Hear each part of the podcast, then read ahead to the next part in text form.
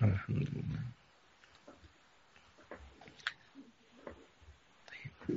Kita ulang ya. Baik. Alhamdulillah wassalatu wassalamu ala Rasulillah wa ala alihi wa sahbihi wa mawalah. Wa ashhadu an la ilaha illallah wahdahu la syarikalah wa ashhadu anna Muhammadan abduhu wa rasuluh sallallahu alaihi wa ala alihi wa sahbihi wa sallama tasliman katsira thumma amma ba'd. Kita akan membahas tentang fikih ibadah dan alhamdulillah kami telah menyediakan uh, sebuah file PowerPoint yang semoga nanti bisa kita sajikan untuk memudahkan bagi kita dalam melakukan kajian di kesempatan kali ini. Tayyib. Sebelumnya, sebelum kita membahas tentang fikih ibadah, kita akan mengenal terlebih dahulu apa itu ilmu fikih. Di sini saya uh, sebutkan tentang mengenal apa itu ilmu fikih. Dari tinjauan bahasa, fikih secara bahasa maknanya adalah al-fahmu, artinya paham. Dan kita bisa jumpai beberapa istilah fikih dalam makna bahasa ini di beberapa ayat dalam Al-Quran. Di antaranya firman Allah di surat Hud ayat 91 ketika Allah menceritakan tentang komentar umatnya Nabi Shu'aib alaihissalam waktu mereka membantah Shu'aib. Salah satu di antara komentar umatnya Nabi Shu'aib, mereka mengatakan, Qalu ya Shu'aibu, ma nafqahu kathiram mimma taqul. Wahai Shu'aib, kami tidak memahami kebanyakan dari apa yang kamu katakan. Di sini ada kalimat ma nafqahu. Nafqahu di sini maknanya adalah ma nafhamu. Kami tidak paham dengan apa yang kamu katakan. Demikian pula yang Allah sebutkan di surat Al-Isra ayat 44. Allah Subhanahu wa taala berfirman, "Tusabbihu lahu samawati sab'u wal ardu wa man fihinna wa in min syai'in illa yusabbihu bihamdihi walakin la tafqahuna tasbihahum." Langit yang jumlahnya tujuh, demikian pula bumi, waman fihinna, dan siapa pun yang ada di dalamnya. Yang ada di langit maupun yang di bumi. Wa im min syai'in dan tidak ada satupun illa yusabbihu bihamdi kecuali dia bertasbih mensucikan Allah Subhanahu wa taala. Walakin la tafqahuna tasbihahum.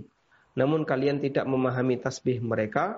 Tafqahun di sini maknanya adalah tafhamun. Kalian tidak paham dengan tasbih yang mereka lakukan. Sehingga makhluk-makhluk yang ada di sekitar kita berdasarkan surat Al-Isra ayat 44 Allah ceritakan mereka bertasbih.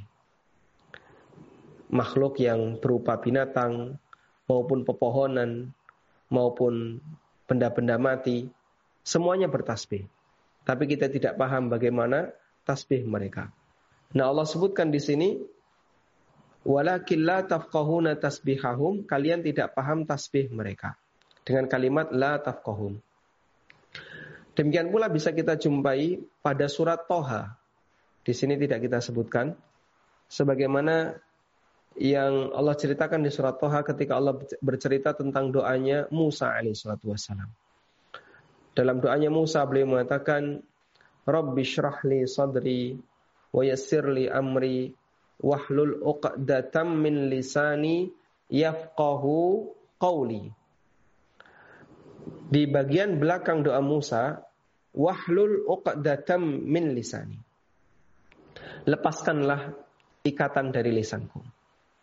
Sehingga agar beliau tidak susah ketika berbicara karena menurut sebagian riwayat bahwasanya Musa alaihissalatu wassalam itu lidahnya cedal.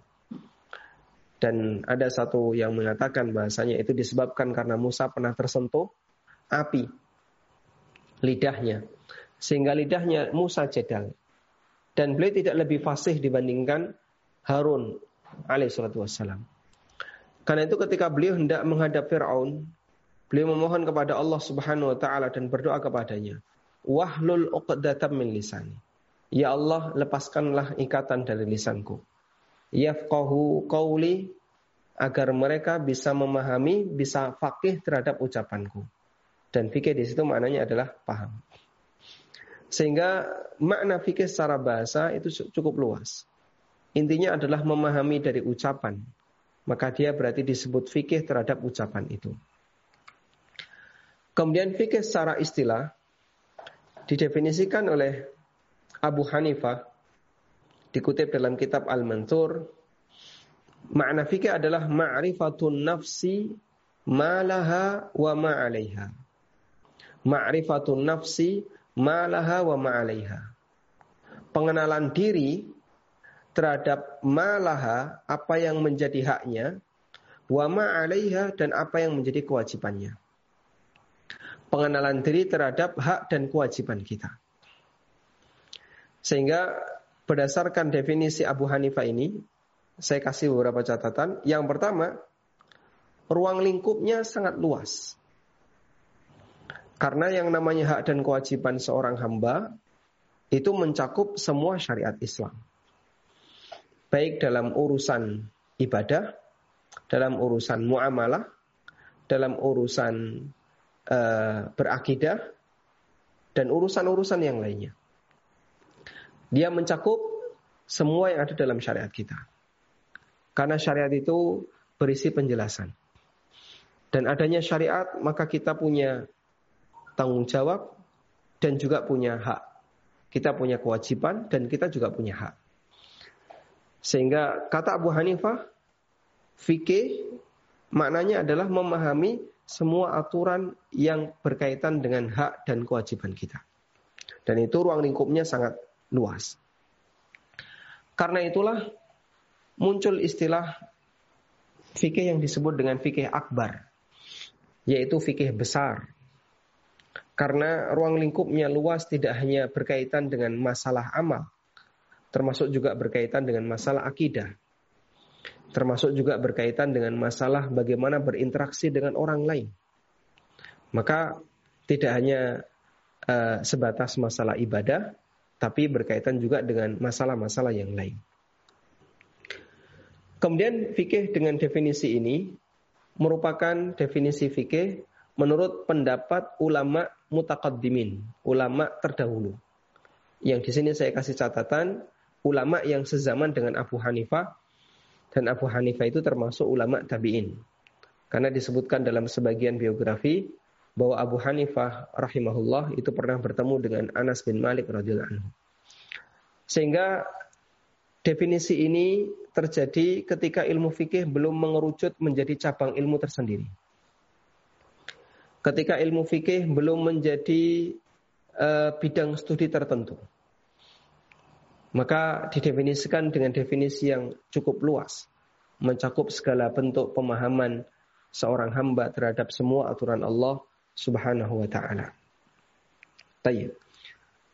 Kemudian setelah fikih menjadi cabang ilmu tersendiri, karena seperti yang kita tahu, ilmu itu semakin ke sana, maksudnya adalah semakin jauh dari zaman kenabian, maka dia semakin mengerucut. Atau semakin jauh dari perjalanan zaman, maka dia semakin mengerucut. Karena seperti yang kita tahu, ilmu itu selalu berkembang, berkembang, bercabang, bercabang. Ya. Dalam uh, satu buatan manusia saja, misalnya komputer. Di komputer ini ada banyak sekali ilmu. Kemudian dijadikanlah sebuah jurusan, namanya jurusan ilmu komputer. Awal kali jurusan itu muncul, yang dipelajari masih global. Begitu uh, jurusan ilmu komputer itu semakin kompleks, maka mengerucut menjadi banyak sekali jurusan. Sehingga jadilah sebuah fakultas ilmu komputer, kemudian ada jurusan-jurusan. Ada jurusan bagian pemrograman, ada jurusan bagian apa misalnya uh, bagian tentang apa koneksi ya ada jurusan bagian yang lain dan seterusnya.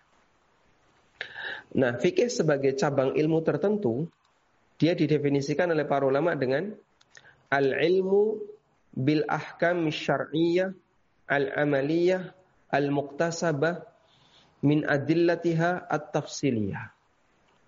Ilmu tentang hukum-hukum syariat al-amaliyah yang terkait amal al-muktasabah yang disimpulkan min adillatihat tafsiliyah dari dalil yang terperinci. Ilmu terkait hukum syariat yang berkaitan dengan amal yang disimpulkan dari dalil-dalil yang terperinci. Tayyib. Kita tahu begini, definisi itu ibarat sebuah batasan. Sehingga kalau kita misalnya diminta untuk menjelaskan apa definisi HP? HP adalah alat komunikasi. Baik, itu berarti satu batasan, alat komunikasi. Masih banyak alat komunikasi yang lain, tapi dia bukan HP. Misalnya telepon duduk. Oh, alat komunikasi yang portable. Yang portable. Berarti dia bisa dibawa. Alat komunikasi yang portable juga banyak. Ada handy talkie, tapi dia bukan HP. Ada HT, tapi dia bukan HP. Oh, yang dia uh, menggunakan apa misalnya uh, sinyal seluler, misalnya. Handy talkie nggak nggak masuk, berarti muncul batasan berikutnya. Nah, berarti kita memberikan definisi itu artinya memberikan batasan. Makanya para ulama mengatakan definisi yang bagus adalah yang jamek manik. Jamek itu artinya mengumpulkan semua unsurnya. Manik artinya bisa menghalangi yang bukan unsurnya. Menghalangi agar yang bukan unsurnya tidak masuk di dalamnya. Sebagai contoh, tolong Anda definisikan sholat. Apa itu sholat? Oh, sholat adalah ibadah. Nah, puasa juga ibadah. Baik, berarti definisinya ini kurang. Sholat adalah ibadah. Baik, itu satu definisi. Tambahkan lagi, biar yang lain nggak masuk. Nah, kita tambahkan ibadah yang diawali oleh takbiratul ikhram. Nah, baik, masuk di situ uh, ke semua bentuk sholat. Masuk di situ semua bentuk sholat. Dan diakhiri dengan salam. Ya. Berarti yang tidak ada takbiratul ikhram dan tidak ada salam tidak masuk sholat. Maka puasa tidak masuk. Ada orang yang sujud tilawah dia tidak masuk. Karena sujud tilawah tidak perlu takbiratul ikhram tidak perlu salam. Orang baca ayat sajadah kemudian dia uh, langsung sujud. Dia tidak perlu takbiratul ikhram tidak perlu salam berarti dia bukan sholat. Maka tidak perlu melakukan syarat-syarat sholat. Nah, definisi ini fungsinya seperti itu. Membatasi agar semua unsurnya masuk di dalamnya dan yang bukan unsurnya tidak masuk di dalamnya. Dari definisi yang tadi kita sampaikan terkait ilmu fikih setelah menjadi cabang ilmu khusus, maka kita bisa lihat bahasanya di sana ada empat batasan.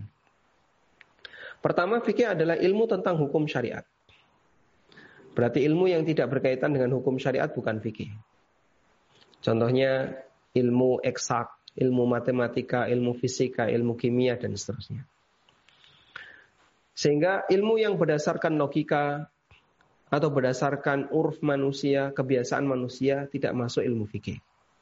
Kebiasaan manusia misalnya uh, kamu kalau ngerebus air pakai api itu nanti akan mendidih. Nah orang tahu didian itu mengandung uap air. Itu panas. Dari mana dia tahu? Berdasarkan pengalaman. Berdasarkan pengalaman. Uh, jamu ini kalau dicampur dengan jamu ini nanti rasanya seperti ini. Dan itu akan menyehatkan badan. Dari mana dia tahu? Itu berdasarkan pengalaman. Nah itu yang saya maksud ilmu berdasarkan kebiasaan manusia.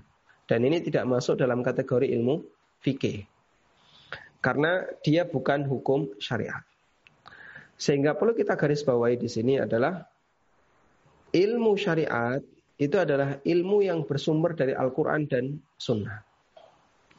Ilmu syariat adalah ilmu yang bersumber dari Al-Quran dan Sunnah. Sehingga ilmu yang tidak bersumber dari Al-Quran dan Sunnah tidak masuk dalam kategori ilmu syariat. Yang kedua terkait amal. Karena itu ilmu yang tidak membahas masalah amal, meskipun dia datang dari syariat bukan ilmu fikih seperti ilmu akidah, ilmu hadis secara riwayat, ilmu tafsir, ilmu Quran dan seterusnya. Meskipun dia masuk dalam cakupan ilmu syariat, tapi dia tidak terkait amal, maka tidak masuk dalam pembahasan ilmu fikih. Kemudian yang ketiga disimpulkan. Artinya melalui proses ijtihad. Melalui proses ijtihad. Sehingga fikih itu bukan dari hasil merenung. Bukan dari hasil mimpi. Bukan dari hasil dapat wangsit. Dapat bisikan. Bukan.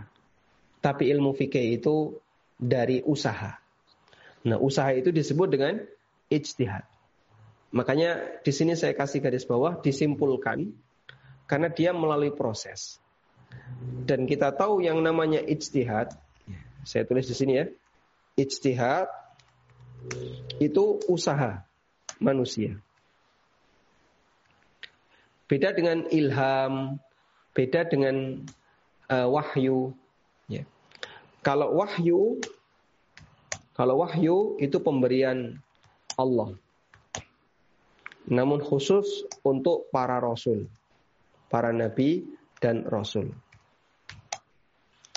Sedangkan ilham ini juga sama pemberian Allah tapi untuk manusia biasa selain nabi dan rasul.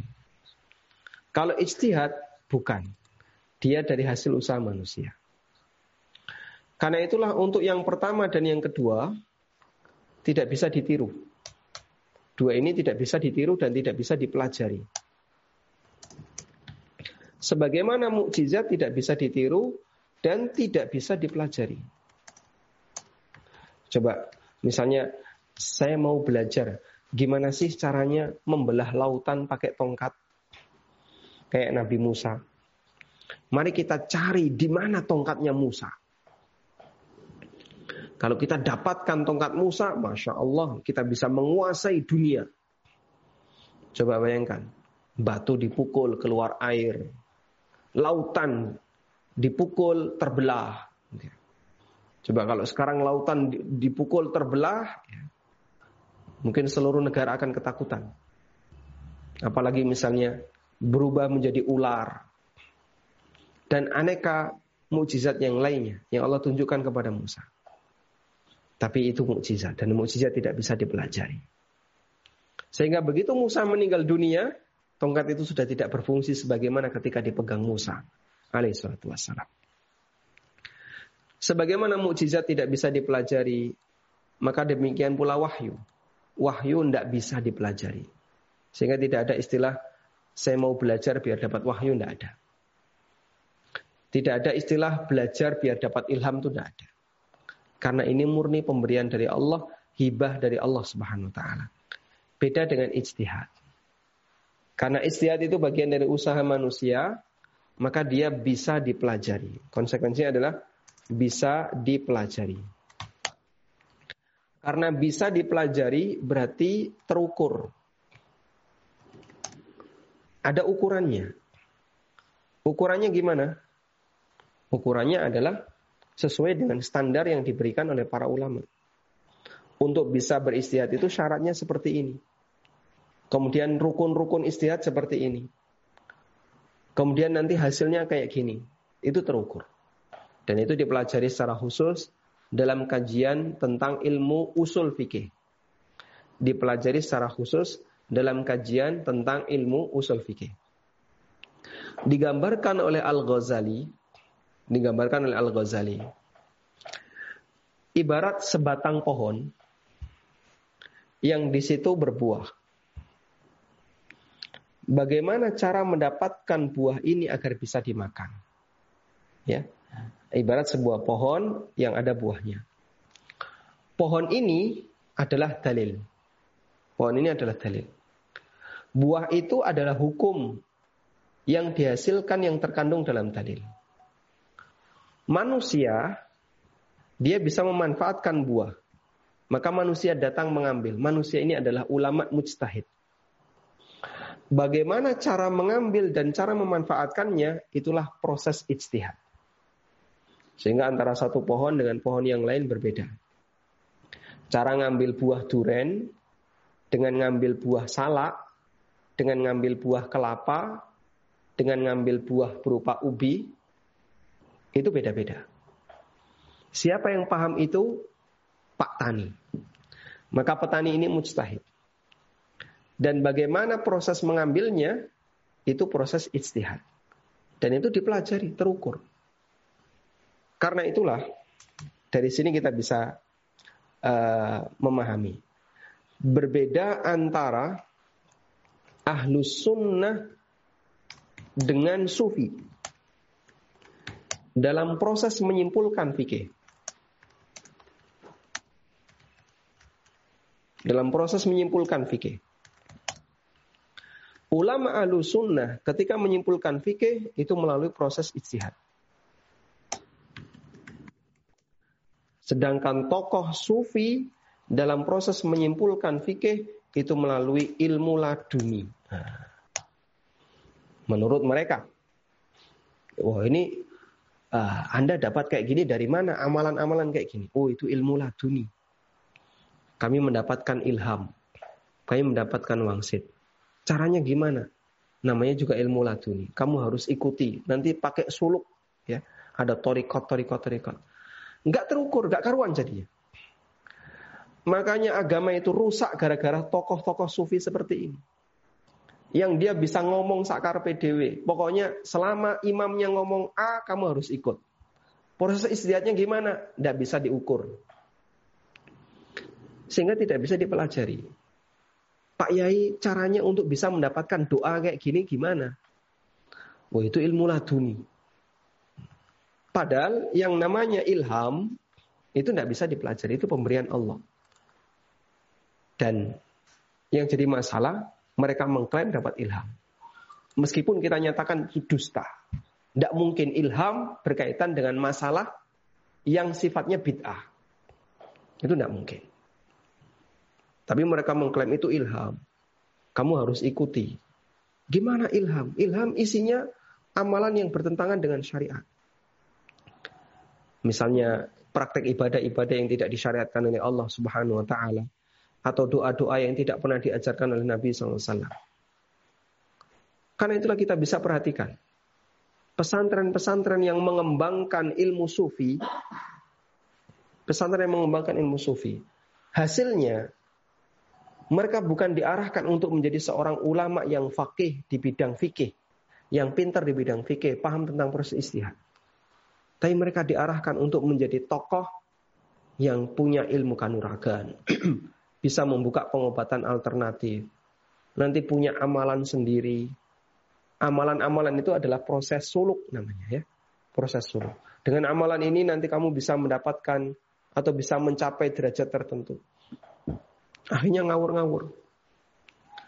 Ada yang misalnya uh, harus pakai puasa seperti ini dulu ada yang baca dikir-dikir kayak gini sebanyak seribu kali.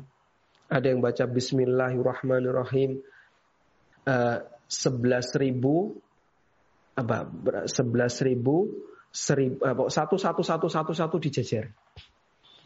Kita bacanya saja ini baca angka pakai bahasa Indonesia saja susah. Satu satu satu satu kali satu satu satu satu dijejer sekian kali. Subhanallah. Fikih macam apa yang kayak gini? Dan itu yang rusak tatanan ilmu fikih. Makanya sebab terbesar adalah ketika sebuah ilmu itu tidak bisa diukur bagaimana cara mempelajarinya, maka ilmu itu akan menjadi rusak.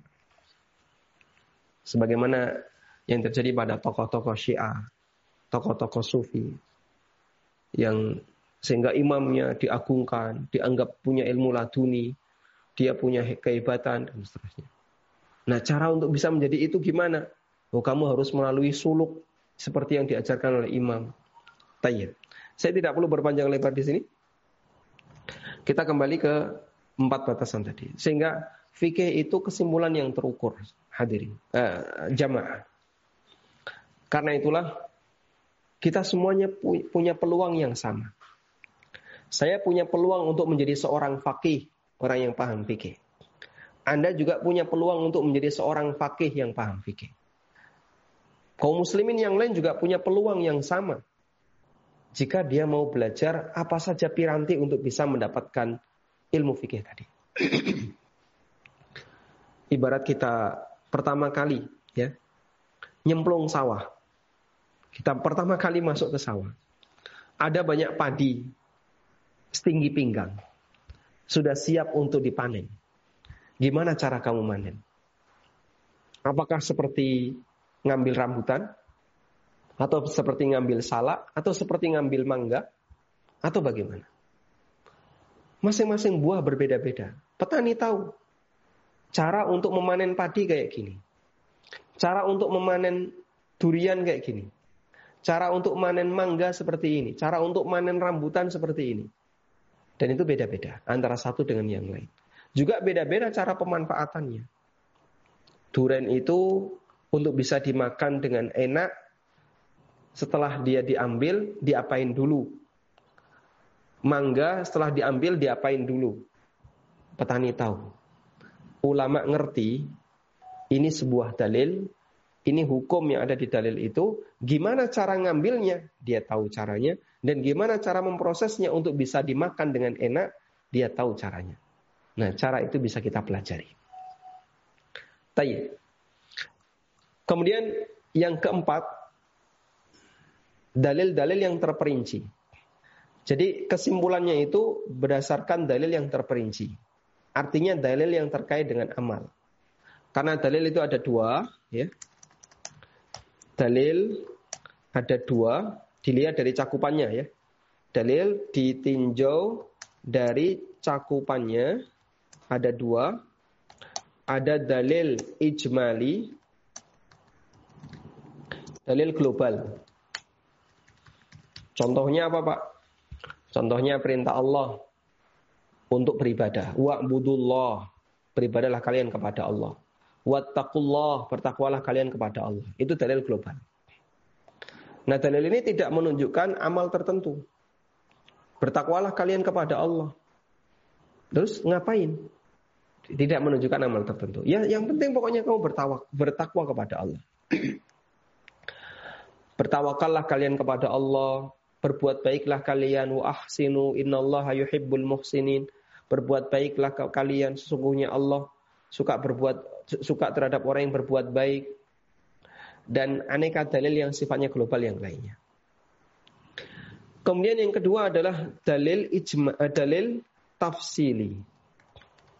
Lawan dari ijmali, yaitu dalil yang lawan dari global berarti terperinci.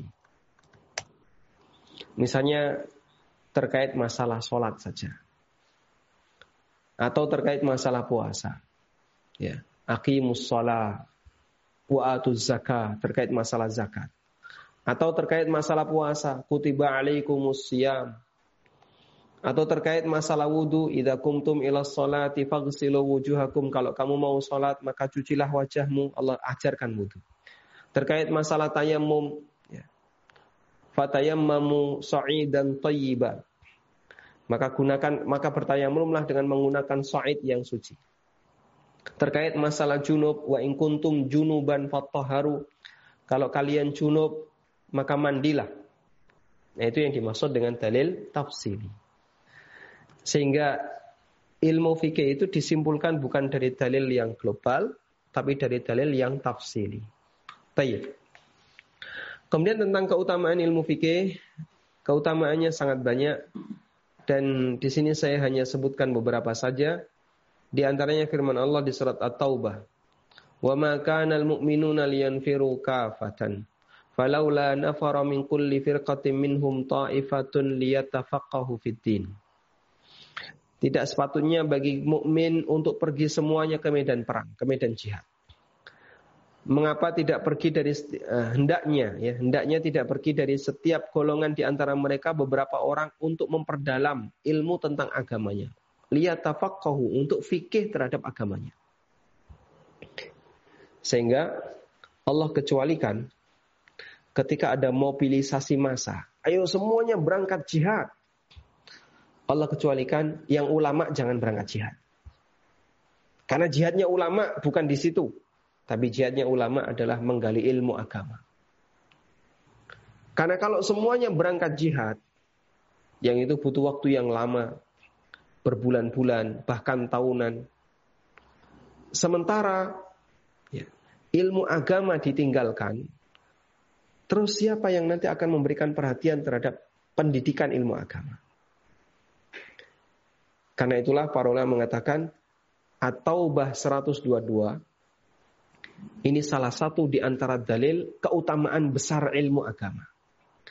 Sampai Allah jadikan sampai Allah jadikan sebagai salah satu alasan bolehnya nggak ikut jihad. Padahal nggak ikut jihad, ketika ada uh, mobilisasi massa semua orang diajak jihad, nggak ikut jihad termasuk sifat munafik. Tapi ada orang yang dikecualikan oleh Allah boleh nggak ikut jihad dalam rangka untuk belajar ilmu agama. Menunjukkan nilai besar ilmu agama. Padahal kita tahu yang namanya amal jihad itu luar biasa. Bahkan jadi cita-cita besar sebagian umat Islam. Kapan ada jihad? Saya ingin mati syahid. Terutama pemuda-pemuda yang uh, kena semangat untuk cemburu terhadap agamanya, punya ghirah terhadap agamanya. Tapi ternyata Allah Subhanahu wa taala tunjukkan di sini bahwa seorang faqih, orang yang berilmu, orang yang punya kemampuan untuk menggali dalil diminta oleh Allah jangan ikut berangkat jihad. Fokus belajar ilmu agama. Nanti kalau pasukan ini balik pulang, mereka lah yang bertugas untuk mengajarkan ilmu agama kepada para pasukan tersebut. Kemudian Nabi Shallallahu Alaihi Wasallam juga bersabda, "Mayuridillahu bi khairan yufaqihu fiddin." Siapa yang Allah kehendaki untuk jadi orang baik, maka Allah pahamkan dia dalam masalah agama. Meskipun hadis ini sifatnya umum mencakup semua masalah agama, tapi hadis ini juga uh, menunjukkan keutamaan ilmu fikih, ya. sehingga karena ilmu fikih termasuk bagian dari uh, agama dan itu berkaitan dengan amal manusia.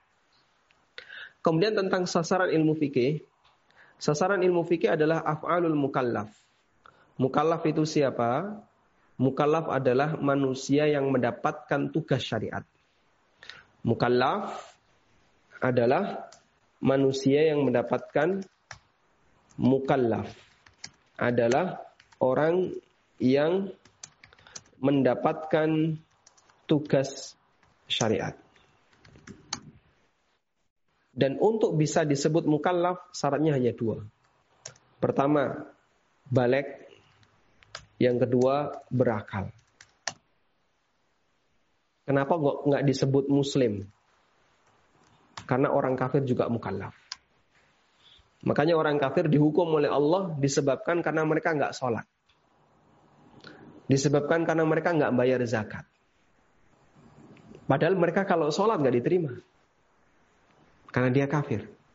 Tapi dia dihukum karena nggak sholat. Artinya mereka juga mendapatkan tugas untuk menjalankan rincian syariat. Allah Subhanahu wa taala menceritakan dialog dengan orang kafir ketika mereka dihukum di neraka. Qalu ma salakakum fi saqar. Apa yang menyebabkan kalian nyemplung ke neraka sakor? Qalu mereka menjawab lam nakum minal musallin wala nut'imul miskin wa kunna nakhudu ma'al khaidin. Karena dulu kami nggak sholat, kami tidak ngasih makanan kepada orang-orang miskin, kami nggak bayar zakat. Sehingga mereka dihukum oleh Allah disebabkan karena tidak sholat. Padahal orang kafir kalau sholat batal. Artinya kamu harus masuk Islam biar sholat musah. Tayyip. Karena itu setiap orang yang balik dan berakal maka dia adalah mukallaf. Semua perbuatan yang menjadi tugas bagi hamba. Af'al mukallaf, perbuatan mukallaf itu ada tiga. Pertama yang bentuknya amalan. Contohnya sholat, bayar zakat, baca Quran, dan seterusnya. Yang kedua, tarkul amal, meninggalkan satu amal. Contoh puasa. Puasa itu amalannya apa sih? Gak ada. Puasa itu adanya tarkul amal, meninggalkan amalan. Gak makan, gak minum, tidak melakukan pembatal apa pun, dari mulai subuh sampai maghrib. Kemudian yang ketiga adalah at-takhyir yang sifatnya pilihan seperti makan, minum. Sehingga cakupan ilmu fikih adalah amalan-amalan. Baik yang bentuknya melakukan kegiatan tertentu atau meninggalkan kegiatan tertentu atau yang sifatnya pilihan. Mau dilakukan silahkan, tidak dilakukan juga silahkan. Baik, berarti dari cakupan ini kita bisa rinci menjadi hukum syariat. Jadi kita ulang ya. Af'al mukallaf. Perbuatan mukallaf. Ada tiga. Ada yang bentuknya amalan. Amalan itu ada dua. Ada yang wajib, ada yang sunnah. Ada yang bentuknya meninggalkan. Dan ini ada dua. Ada yang haram dan ada yang makruh. Dan ada yang bentuknya pilihan. Dan itu adalah sesuatu yang hukum asalnya mubah. Sesuatu yang hukum asalnya mubah. Sehingga dari afal mukallaf ini bisa kita turunkan lima hukum syariat. Wajib, sunnah, haram, makruh, dan mubah. Dan itu semuanya dibahas dalam masalah fikih. Maka ada istilah hukum mubah karena dia masuk dalam kategori pembahasan fikih. Fikih apa Pak yang membahas masalah mubah? Fikih jual beli. Fikih tentang muamalah malia, fikih utang piutang itu fikih perihal masalah mubah. Tayyib. Kemudian sistematika ilmu fikih, ilmu fikih terbagi menjadi empat pokok bahasan. Barangkali Anda sudah sering mendengarnya. Yang pertama adalah fikih ibadah. Yang kedua fikih muamalah, membahas tentang aturan dalam muamalah dan perdagangan dalam Islam. Yang berikutnya ketiga adalah fikih usroh, membahas tentang masalah keluarga, baik sebelum berkeluarga, sebelum nikah, ketika proses nikah maupun uh, pasca menikah sampai pembubaran pernikahan. Baik pembubaran secara resmi maupun pembubaran yang tidak resmi. Yang resmi berarti perceraian, yang tidak resmi berarti kematian dan berikut konsekuensinya. Maka ada istilah wasiat, ada istilah uh, apalagi misalnya warisan dan seterusnya, yaitu merupakan konsekuensi dari pembubaran keluarga. Dan yang terakhir adalah fiqhul qada wal jinayat, fikih seputar masalah tindak kriminal dan peradilan dalam Islam. Tayyib. Kemudian kita beralih ke slide yang kedua, yaitu fokus tentang masalah fikih ibadah. Tema kajian kita adalah fikih ibadah, dan tadi kita sampaikan mukaddimah tentang masalah fikih. Sekarang kita akan lihat apa itu fikih ibadah. Fikih ibadah pengertiannya adalah kajian fikih yang membahas kegiatan ibadah mahdoh. Ibadah murni. Ada istilah mahdoh. Ibadah ada yang sifatnya murni, mahdoh, dan ada yang tidak murni. Berarti kebalikannya, ghair mahdoh. Ibadah ghairu mahdoh.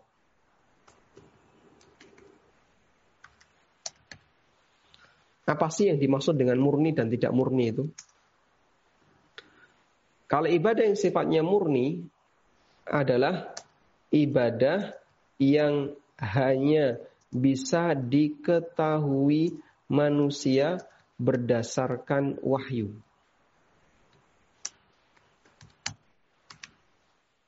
Sehingga peran logika nggak ada di situ.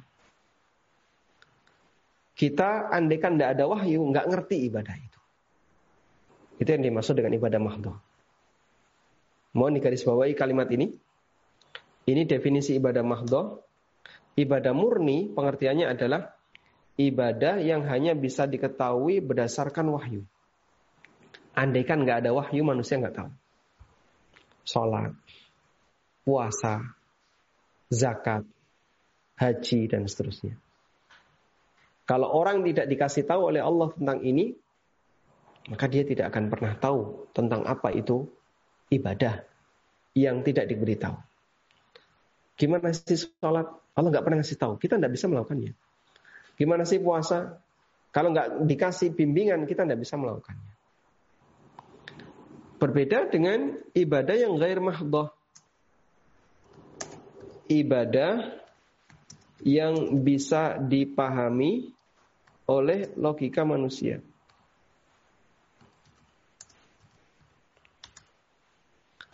Contohnya, anda nggak ada wahyu orang bisa melakukannya. Contohnya apa Pak? Contohnya berbuat baik kepada sesama. Senyum. Menyapa. Bakti kepada orang tua. Kemudian apalagi misalnya. Uh, menderma. Dan kegiatan-kegiatan yang orang kafir pun bisa melakukannya. Nah ibadah jenis yang kedua ini dia tidak butuh rincian dari dalil. Sehingga untuk ibadah jenis yang kedua, Islam itu hanya ngasih motivasi. Karena mengenai tata caranya, orang udah tahu. Orang udah tahu. Islam hanya ngasih ngasih motivasi untuk berbuat baik. Islam ngasih motivasi untuk mem, e, berbagi. Islam ngasih motivasi untuk menderma. Tentang teknisnya, terus gimana caranya? Manusia tahu, manusia ngerti. Beda dengan yang pertama ini. Kalau yang pertama ini, di samping memberi motivasi, Islam juga memberikan penjelasan. Di sini kalau kita uh, sebutkan detailnya, Islam memberi motivasi, dan penjelasan.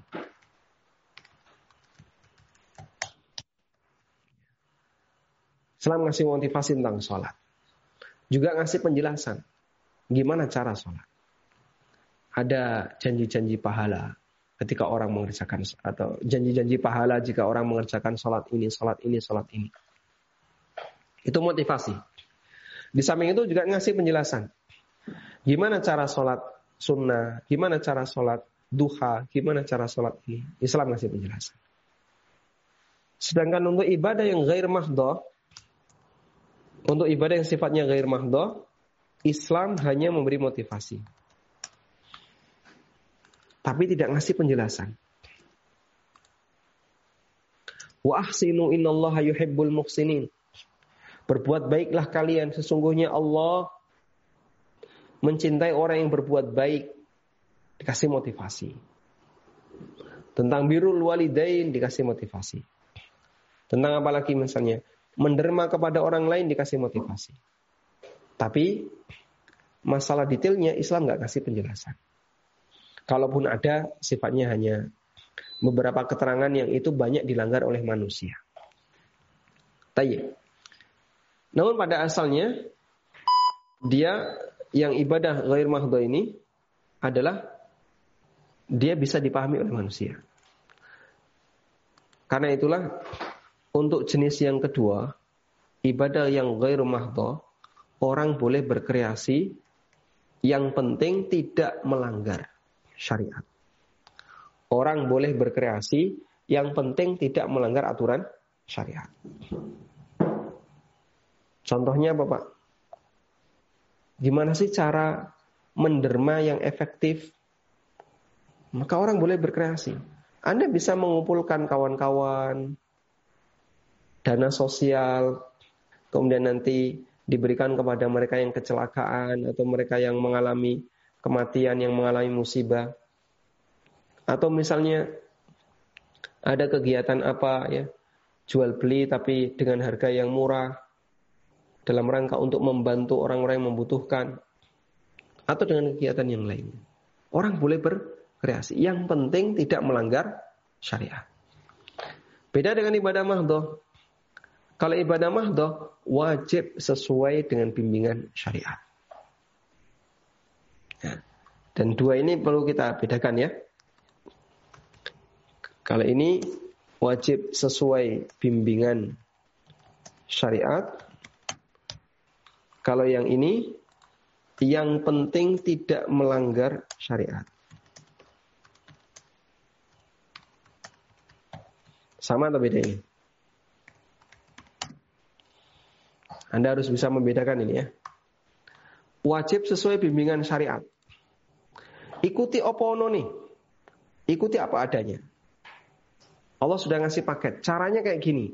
Jangan berkreasi. Berkreasi melanggar. Yang penting tidak melanggar syariat. Nah, itu beda lagi. Silahkan mau berkreasi, yang penting nggak melanggar. Ini ada beberapa larangan. Misalnya, ya, kita mau menyelenggarakan kegiatan sosial, tapi pakai riba. Nah, itu tidak boleh. Bapak Ibu, kami membuka kooperasi simpan pinjam dengan bunga yang sangat lunak, lunak, lunak sekali.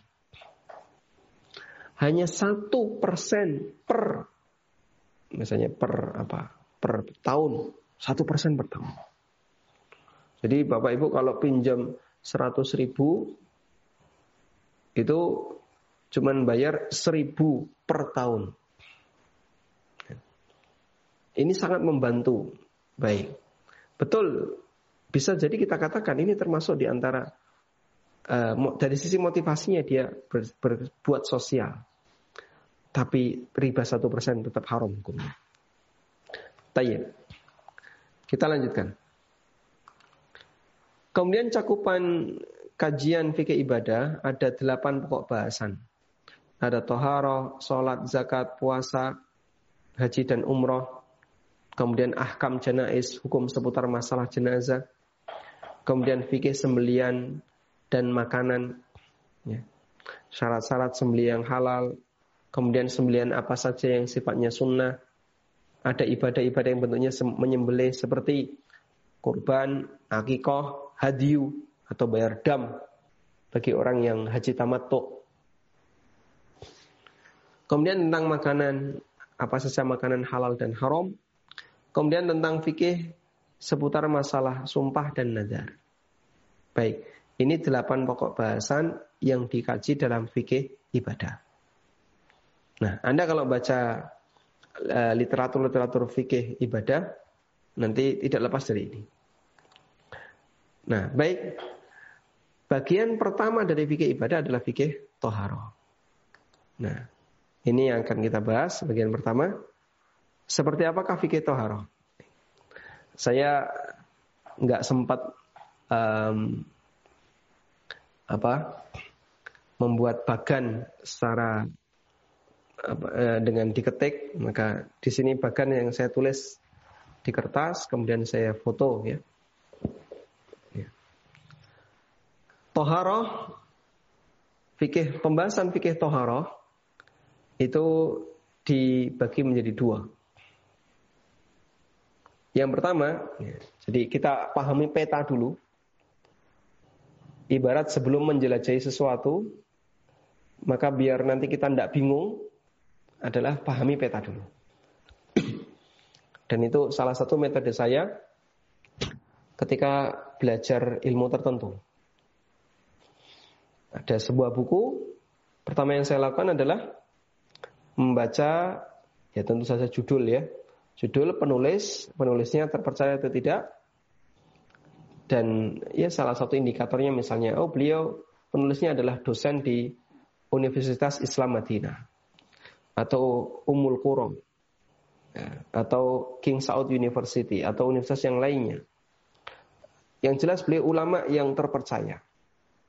Kalau saya nggak kenal, searching dulu di internet. Oh beliau seperti ini. Baik. Karena ada buku yang ma'ruf, tapi ternyata penulisnya adalah seorang tokoh yang menyimpang misalnya. Dan itu bisa bahaya. Ya. Di Jakarta ada salah satu ustadz yang mengajarkan sebuah buku dalam kajian umum dan penulisnya adalah orang yang sangat benci kepada Syekhul Islam Ibn Taimiyah. Penulisnya sangat benci kepada Syekhul Islam Ibn Taimiyah dan dia punya akidah yang uh, uh, apa menyimpang karena dia asyari. Karena dia asyari. Ya.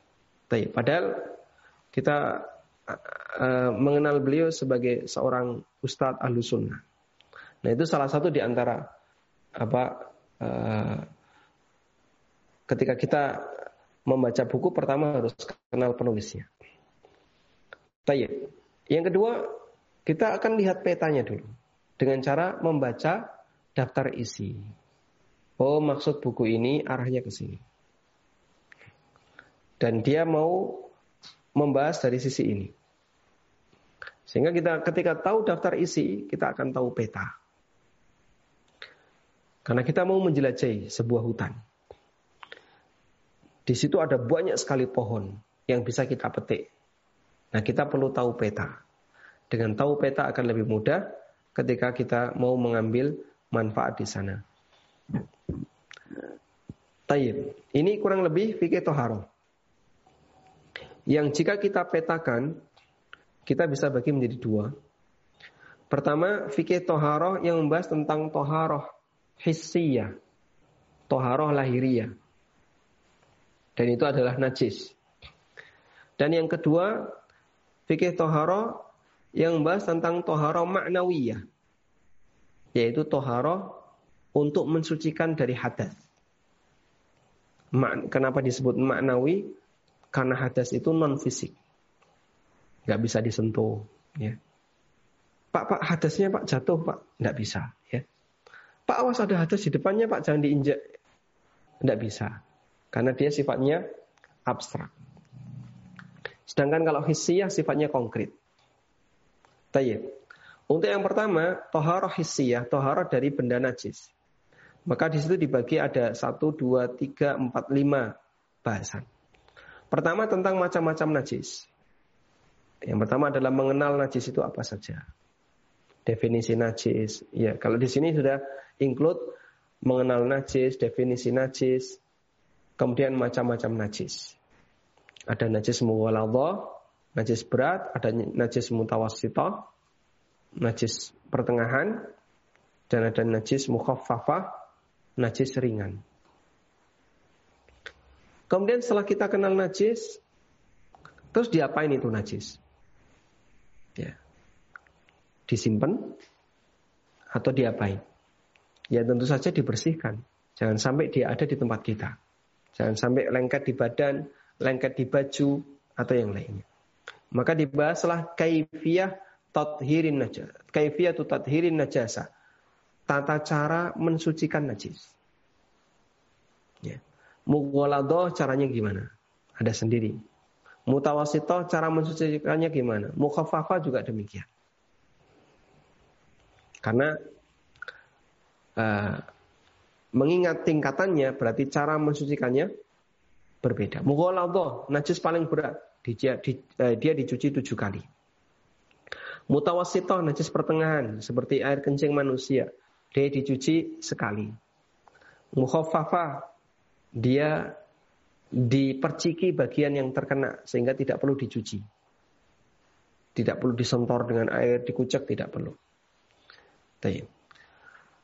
Kemudian setelah kita bahas najis dan cara membersihkannya, maka kita perlu membahas apa media untuk membersihkan najis. Ya, media untuk membersihkan najis adalah air. Maka di situ kita bahas tentang macam-macam air.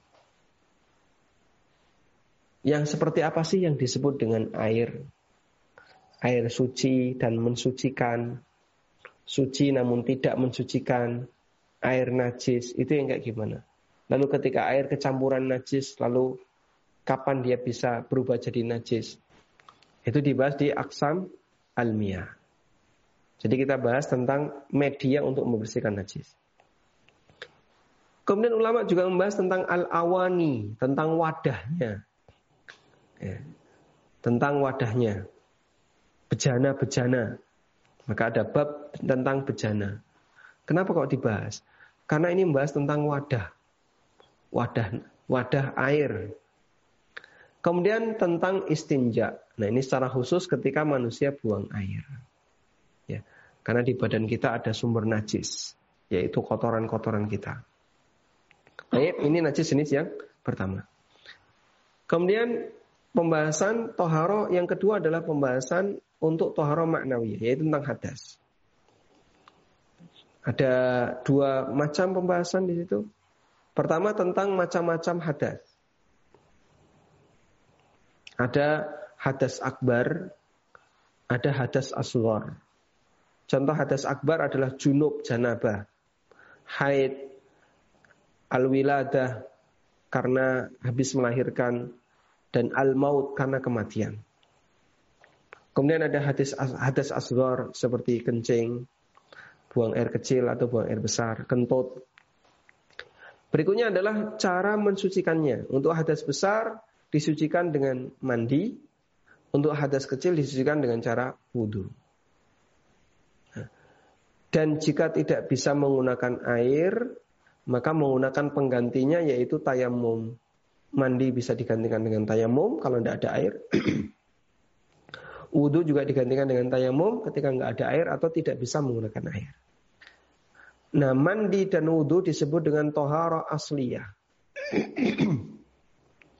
disebut dengan tohara asliyah. Tohara asliyah artinya cara mensucikan yang asliyah, yang yang asal.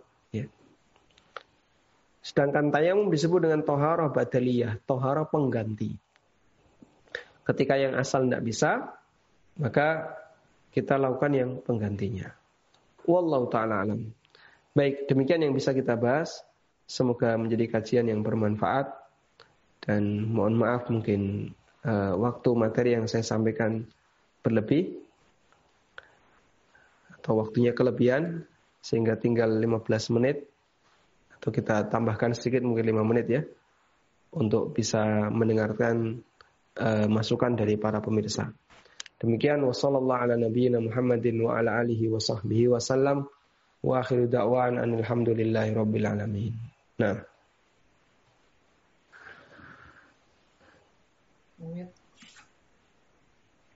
Terima kasih Ustaz Jazakallah khair atas uh, kajiannya, tausiahnya untuk pilih ibadah yang part, perta part pertama ya.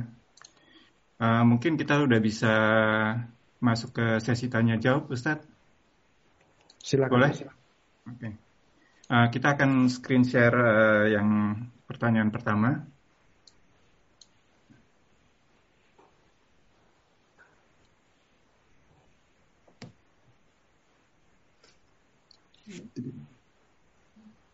Nah ini pertanyaan pertama ini saya ingin bertanya pada Pak Ustadz, contoh ilham yang diberikan kepada manusia dan bagaimana kita memastikan bahwa itu adalah ilham.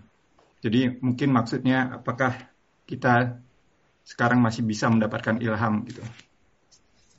Tayyip. Contoh ilham yang Allah ceritakan dalam Al-Quran seperti yang Allah ceritakan tentang uh, ibunya Maryam. Ibunya Maryam Allah katakan dalam Al-Quran. Gimana? Saya coba bacakan atau carikan ayatnya ya. Kaita qarra ainuha wa la tahzan. Allah berfirman di surat Toha ayat 38. Id auhayna ila ummika mayuha. Ingatlah ketika aku wahyukan kepada ibumu, wahai Musa. Ini Allah konteksnya, ini di sini konteksnya cerita tentang Musa. Ketika aku wahyukan kepada ibumu, wahai Musa, mayuha. Sesuatu yang aku wahyukan kepadanya. Aniqdhifihi fit tabut, faqdhifihi fil yammi agar engkau taruh Musa itu fit tabut di sebuah tabut. Apa itu tabut? Ya. Uh, perahu kecil. Fakdifihi fil yammi setelah itu lemparkan ke ke sungai. Falyulkihil yammu. Maka nanti sungai itu yang akan mengalirkan bayi Musa. Itu salah satu di antara ilham. Kenapa kita bisa sebut ilham? Karena ibunya Musa bukan nabi. Sehingga dia tidak mendapatkan wahyu. Nah, ketika dia tidak mendapatkan wahyu, Allah Subhanahu wa taala sematkan dalam hatinya gimana caranya agar Musa ini bisa selamat dari kejaran Firaun dan bala tentaranya. Karena Firaun seperti yang kita tahu, kan dia punya sumpah akan membunuh setiap bayi laki-laki dari kalangan Bani Israel. Nah, begitu Musa lahir, padahal ini calon nabi, Allah selamatkan. Caranya kayak gini. Nah, proses Allah menyelamatkan seperti ini itu dari ilham. Ini contoh ilham yang Allah sebutkan dalam Al-Quran. Nah, kalau kita bisa nggak kita bisa mengetahui kalau itu adalah ilham atau bukan ilham? Ya. Baik, tadi belum di share ya. Ada di surat Toha tadi. Surat Toha ayat 38. Nah sekarang kita bisa tahu nggak kalau itu ilham atau bukan ilham? Wallahu alam kita nggak tahu. Tapi intinya ketika ad, uh, semacam ada semangat untuk berbuat baik, semangat untuk mengikuti tertentu, bisa jadi itu ilham. Sehingga bisa jadi orang yang mendapatkan ilham itu dia nggak tahu kalau itu ilham. Ya. Misalnya ada orang yang dia uh, kebingungan dengan masalahnya. Tiba-tiba Allah arahkan dia. Coba coba kamu main ke masjid. Allah arahkan dia. Tiba-tiba dia tiba-tiba ingin senang ke masjid. Terus dia ke masjid, ketemu Ustadz A.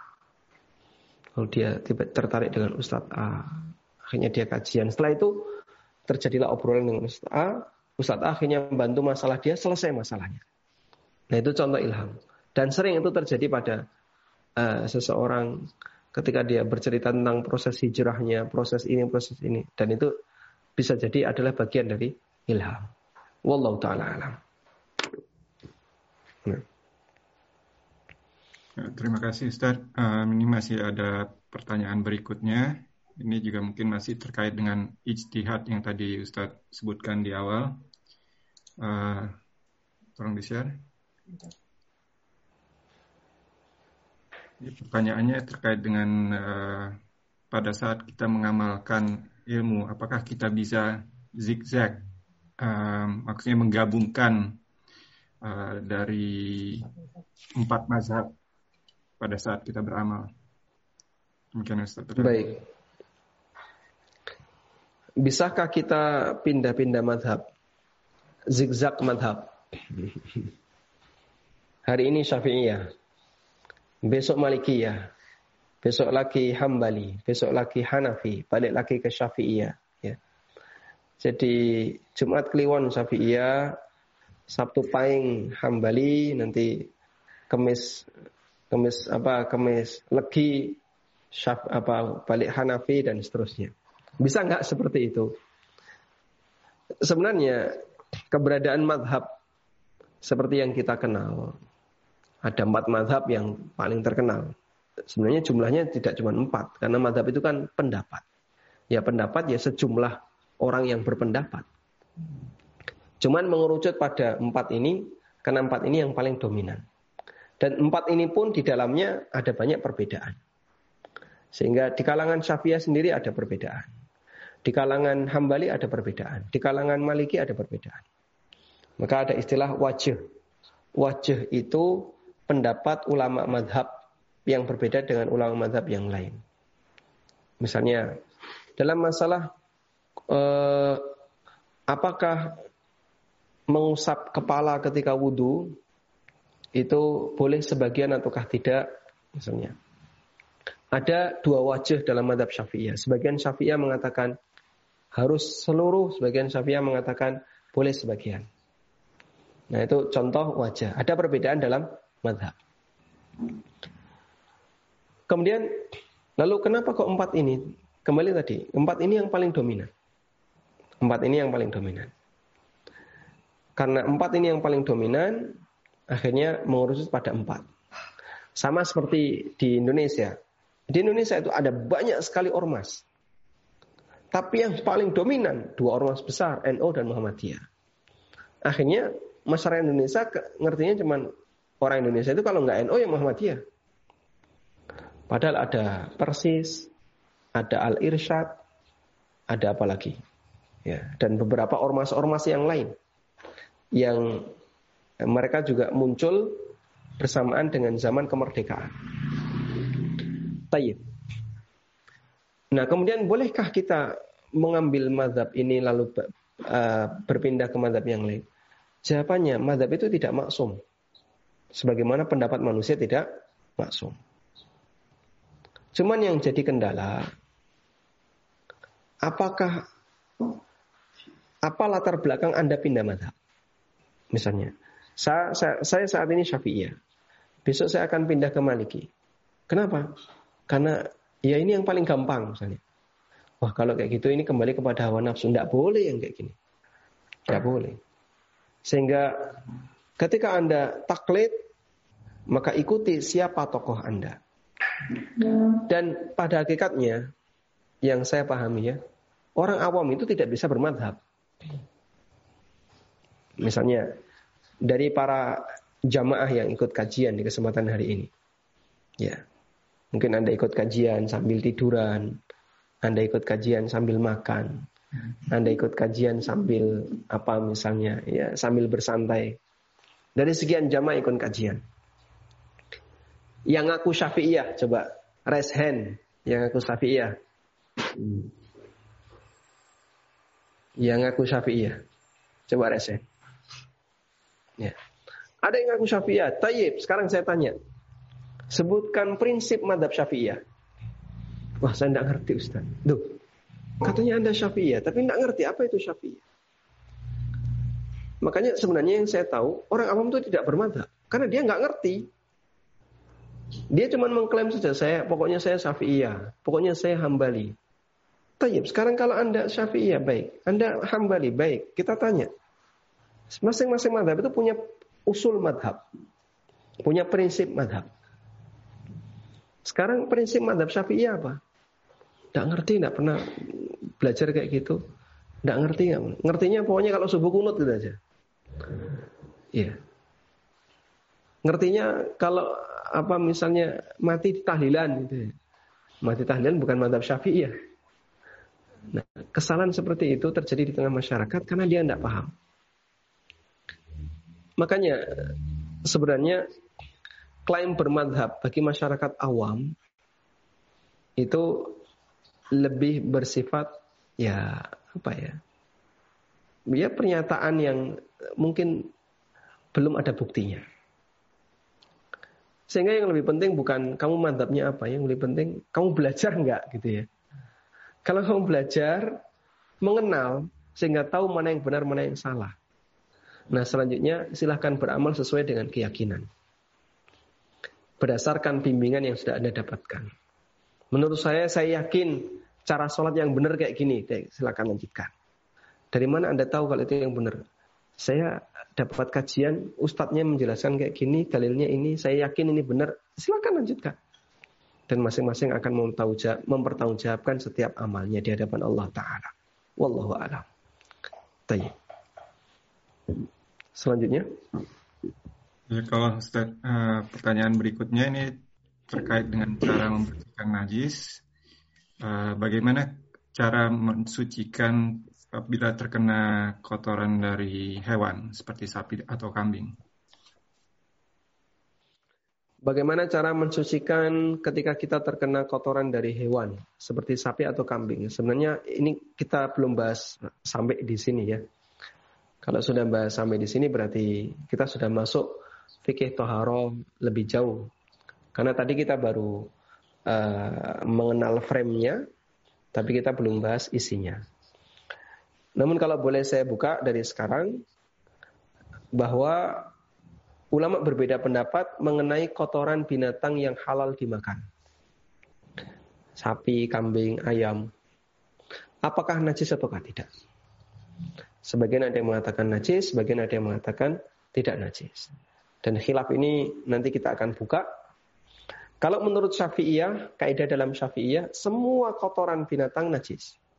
Baik yang halal maupun yang haram. Tanpa kecuali. Semua kotoran binatang najis. Nah dia masuk najis mutawassito, najis pertengahan. Seperti kencing manusia, kotoran manusia. Lalu gimana cara membersihkannya? Sama seperti cara membersihkan kencing manusia atau kotoran manusia. Wallahu alam. Baik. Selanjutnya. Yang selanjutnya ini terkait dengan wudhu berwudhu Ustaz. Kalau kita sedang berwudhu lalu di tengah jalan kita buang angin, apakah kita perlu mengulang dari awal? Ya. Pertanyaan yang masuk nampaknya lebih banyak ke uh, fikih, ya, ke konten fikihnya. Padahal sebenarnya kita belum bahas itu, tapi nggak jadi masalah. Uh, saya sebenarnya lebih berharap pertanyaan lebih ke arah apa pemahaman fikih secara umum seperti madhab tadi ya. Boleh kita pindah-pindah madhab. E, tentang ketika orang sedang berwudu kemudian keluar angin, apakah dia harus mengulang wudhunya? Jawabannya harus. Karena misalnya dia sedang berwudu sampailah pada mencuci tangan sebelah kanan sampai siku. Terus dia ngentut. Lalu dia lanjutkan cuci tangan sebelah kiri, sampai siku, kemudian ngusap kepala, kemudian setelah itu dia cuci kaki. Berarti kegiatan dia ketika dia ngentut, dicuci tangan sebelah kanan, berarti sejak cuci tangan sebelah kanan ke sebelumnya, mengusap, uh, mencuci wajah, berkumur, menghirup air ke dalam hidung, kemudian cuci tangan sampai di pergelangan, semuanya batal. Terhitung wudhunya sejak mencuci tangan sebelah kiri. Nah, wudhu kayak gini sah atau tidak? Tidak sah. Karena itulah jika terjadi seperti ini, maka wudhunya wajib diulang dari awal. Wallahu a'lam. Nah. Terima kasih Ustaz. Uh, ini mungkin pertanyaan berikutnya juga uh, sudah agak lebih kurang lebih sama. Ini tentang hukum orang yang Bagaimana hukum orang yang ingat belum melaksanakan sholat fardu pada saat membaca wazifah atau wirid? Mohon pencerahannya Ustaz. Ya. Jadi mungkin tidak terkait dengan yang apa yang Ustaz harapkan tadi. Mohon maaf.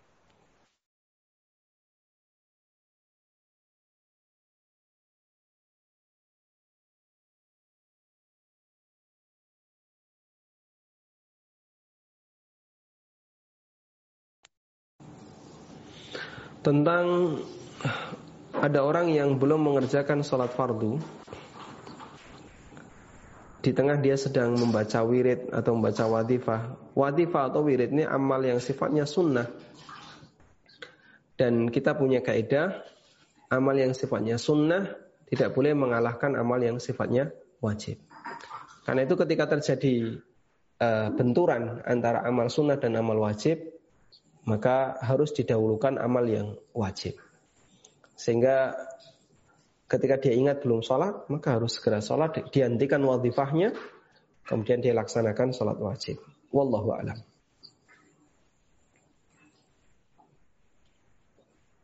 Untuk pertanyaan yang berikutnya, ini juga masih terkait dengan sholat. Saat um, pertanyaannya ada dua. Yang pertama, apakah memang sejatinya sholat witir itu adalah satu rakaat dan berkaitan dengan witir yang lebih dari satu rakaat, apakah tasyahud awal itu menjadi sunnah? Mm -hmm. Baik. Untuk sholat witir, apakah hakikatnya satu rakaat? Jawabannya, sholat witir sebagaimana namanya al-witru artinya adalah ganjil. Lawan dari asyafa' Allah berfirman di surat Al-Fajr, "Wal fajri wa layalin ashar wasyaf'i wal watr wal laili idza yasar." Di situ ada kalimat wasyaf'i wal watr. Asyafa artinya genap, al-watr artinya ganjil. Sehingga disebut sebagai salat witir karena dia ganjil. Berarti hakikat witirnya itu yang mana? Ya, selama dia sholat yang bilangannya ganjil, maka semuanya itu witir. Ya. Bisa eh, 9 rakaat, 7 rakaat, 5 rakaat dan seterusnya dan tentu saja minimal satu rakaat. Nah kemudian kalau witir ada tasyahud awal, ya, contohnya yang 9 rakaat.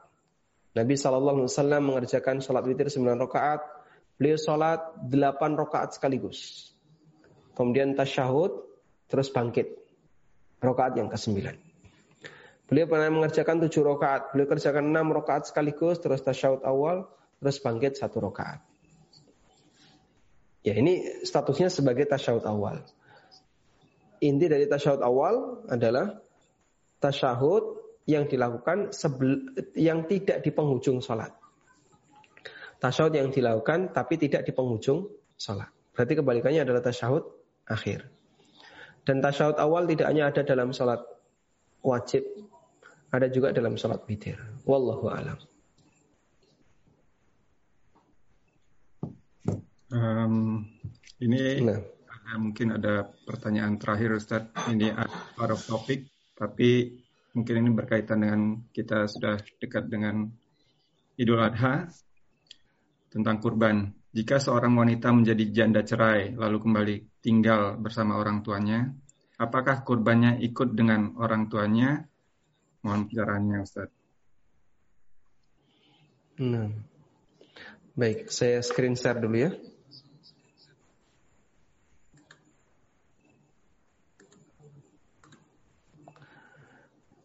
Eh, dalam madhab Malikiyah, keterangan ini saya dapatkan dalam madhab Malikiyah bahwa kurban satu keluarga cakupannya adalah pertama nafkahnya dari satu orang atau sumber nafkahnya sama sumber nafkahnya sama. Sehingga misalnya dalam satu keluarga di situ ada saudara ya. Tapi saudara itu ikut kita. Dia kita kasih nafkah, dia makan bareng kita, tinggal bareng kita, kebutuhan dia kita yang nyukupi. Berarti saudara ini nafkahnya sumbernya sama dengan anak-anak kita, dengan istri kita. Yang kedua, tinggal bersama. Yang ketiga ada hubungan kerabat. Ya. Pembantu itu tinggal bersama kita dan kita kasih nafkah. Pembantu dia kita kasih gaji. Plus dia juga makan bareng kita. Ketika dia masak, nanti kadang dia ikut makan. Ya, tinggal bareng kita, listrik ikut kita. Dia nggak bayar makan, nggak bayar listrik, nggak bayar air, karena ikut bareng kita. Maka sumber nafkahnya sama, tinggal bersama, tapi dia bukan kerabat. Maka yang kayak gini, eh, ketika kita berkorban dia nggak dapat, ya, karena dia orang lain.